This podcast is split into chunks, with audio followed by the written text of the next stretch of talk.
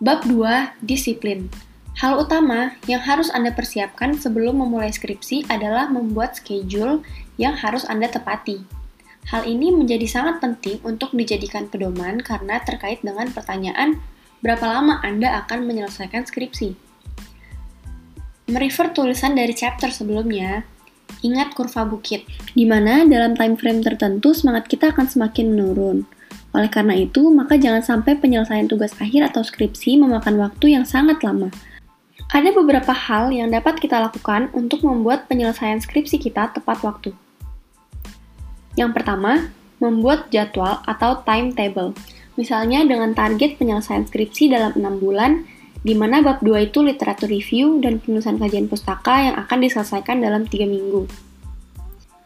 Dalam chapter selanjutnya akan dijelaskan Mengapa sangat disarankan untuk memulai dari bab 2, bab 3, dan kemudian baru bab 1 dalam tahapan penulisan proposal.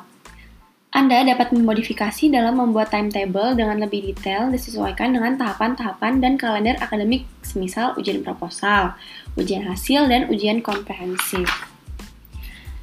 Yang kedua, membuat catatan penyelesaian atau progress. Penyelesaian skripsi, berapapun waktu yang Anda set, akan sangat terasa cepat, time flies. Oleh karena itu, Anda tidak boleh kehilangan momen untuk move forward dan tetap semangat. Dalam hal ini, sering kali kita terganggu dengan hal-hal yang sifatnya sederhana. Semisal kita melakukan cleaning data, kita lupa data mana saja yang dihapus atau ketika sudah merangkum salah satu jurnal namun kembali diulangi karena terlupa sudah melakukannya. Oleh karena itu, jangan lupa untuk membuat catatan apa saja yang sudah dilakukan, termasuk ide apa saja yang ingin dilakukan.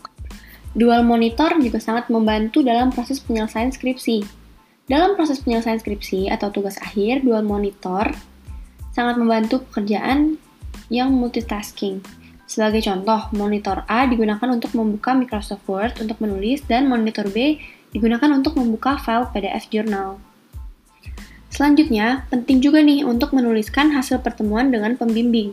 Hal yang paling penting ketika melakukan bimbingan adalah mencatat dan mendengarkan.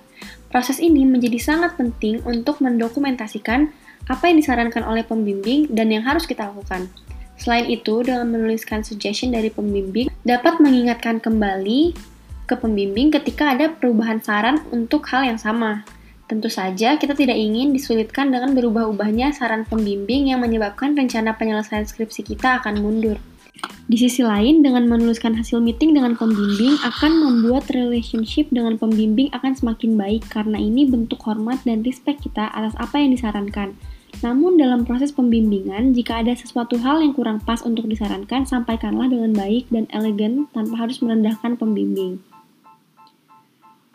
Itu merupakan penjelasan dari bagaimana cara untuk menjaga hubungan baik dengan supervisor.